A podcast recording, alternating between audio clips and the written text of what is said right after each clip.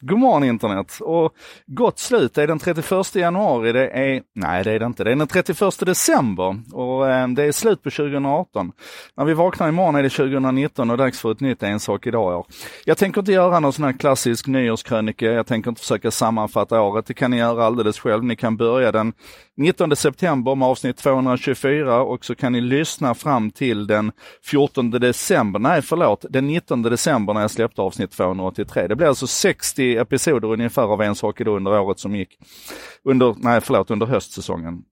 Och min ambition att jag skulle ha gäster varje fredag och sådär, det sprack. Livet ser ut som det gör, jag hinner inte med. Jag har ju klienter som jag måste hålla goa och glada. Men ett löfte redan nu inför 2019 är att jag ska försöka leverera någonting varje vardagsmorgon. Även om det blir en kortis, även om det bara blir liksom en jättekort sammanfattning om någonting och ni själv får tomta iväg och, och göra resten av jobbet sen, så kommer jag försöka leverera någonting varje vardag under vårsäsongen.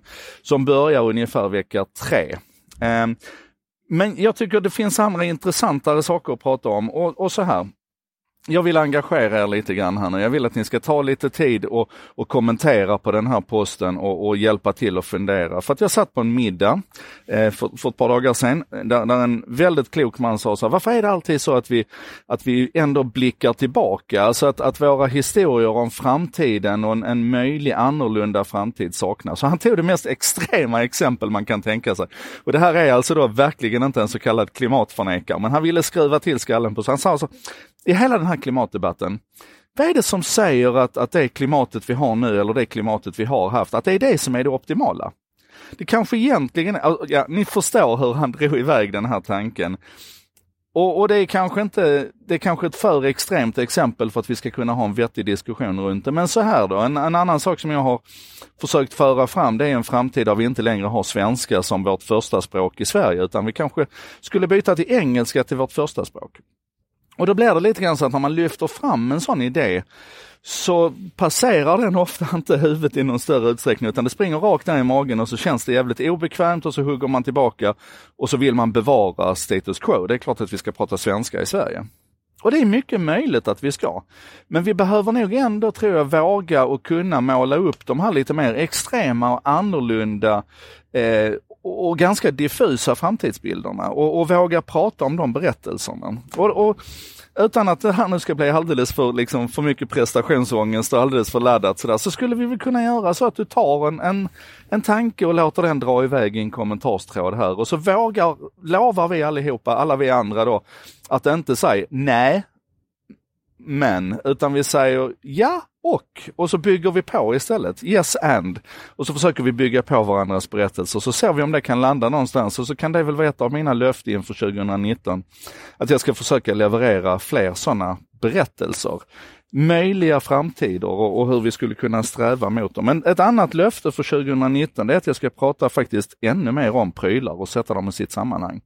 Det här är till exempel en, en sån pryl som har snurrat till skallen på mig lite grann. Det är en, eh, en luftkvalitetsmätare kan vi säga. Den tittar på Världshälsoorganisationens definitioner av eh, skadliga partiklar och, och skapar helt enkelt ett luftkvalitetsindex. Och sen mäter den då, här är små hål här då så att den suger in luften här och, och gör då gasanalyser på det och den gör det löpande, levererar data till min telefon med åtminstone en minuts eh, granularitet. Eh, och telefonen håller koll på var vi är någonstans och sådär. Så att jag får helt enkelt en, en tidslinje som jag kan dra över där jag kan se hur luftkvaliteten går upp och ner på olika områden. Så. Och den sortens prylar samma sak med våra, våra klockor, telefoner och allting som vi kan mäta och väga. Så det är en, ett område som jag kommer att försöka fokusera på lite 2019. För jag tror att om vi kan, ju mer vi kan mäta, ju mer data vi kan samla in på ett medvetet sätt, ju mer spännande lösningar kommer vi att kunna se framöver. Um, och sen är det då en sak till som jag, jag tänkte lova inför 2019 och det är att jag, jag ska byta språk. Um, jag kommer göra en sak idag på engelska. Och det gör jag inte för att jag har fått någon slags hybris och tror att, eh, att en sak idag kommer att bli en, en dominerande eh, inspirationskälla för hela världen. Jag vet, att jag vet att det är helt orimligt och helt otänkbart. Utan jag gör det egentligen av, av två skäl.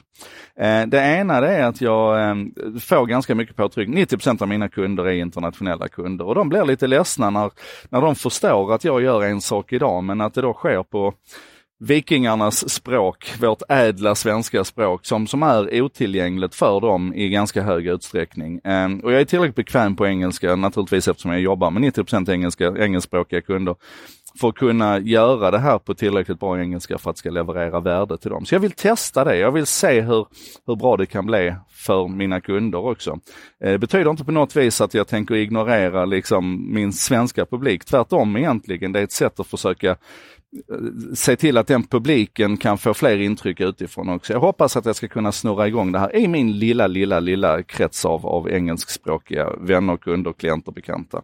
Eh, men det andra skälet är naturligtvis att leva som man lär. Om jag nu tror att, att Sverige skulle ha mycket att vinna på att vi faktiskt skippade svenskan och gick över till engelska istället, ja men då får jag väl put my money where my mouth is. Eller vad man säger. Jag får helt enkelt, eh, ja, jag, jag måste testa det. Och, och, naturligtvis eftersom en sak idag handlar om kontinuerligt lärande och testande och prövande och så. Och nu kommer jag på, jag måste ju förresten rapportera tillbaka resultatet av det här lilla experimentet jag gjorde med att sponsra en annan podd. Jag sponsrade ju underbara Dumma människor eh, i ett avsnitt för att se om jag kunde driva någon trafik hit här. Jag har inte återkommit med rapport på det och nu inser jag att det finns fler saker som jag har lovat att rapportera tillbaka som jag inte har gjort. Nyårslöfte 2019. Jag ska se till att få fram de där rapporterna till er. Nyårslöfte 2019. Jag ska försöka leverera någonting varje dag, även om det blir kort. Och nyårslöfte 2019. Jag ska göra det på engelska. Kommer däremot att fortsätta med vertikal video. Kommer fortsätta att se till att det här finns i alla kanaler. IGTV, LinkedIn, eh, eh, Facebook, Youtube naturligtvis. Eh, tyck gärna till om det också. Om ni saknar mig någonstans eller om ni tycker att jag gör på något annat sätt. Eh, både format och innehållsdiskussioner super välkomna. Men framförallt, tänk gärna den här tanken om du fick så spänna tanken på en, en möjlig framtidsberättelse. Leverera den då gärna. Och så ses vi eh, tredje veckan i januari. Ha nu en, eh, en riktigt bra nyår, ett riktigt bra nyår och eh, passa på att vila lite grann in på det nya året. Ses vi snart igen.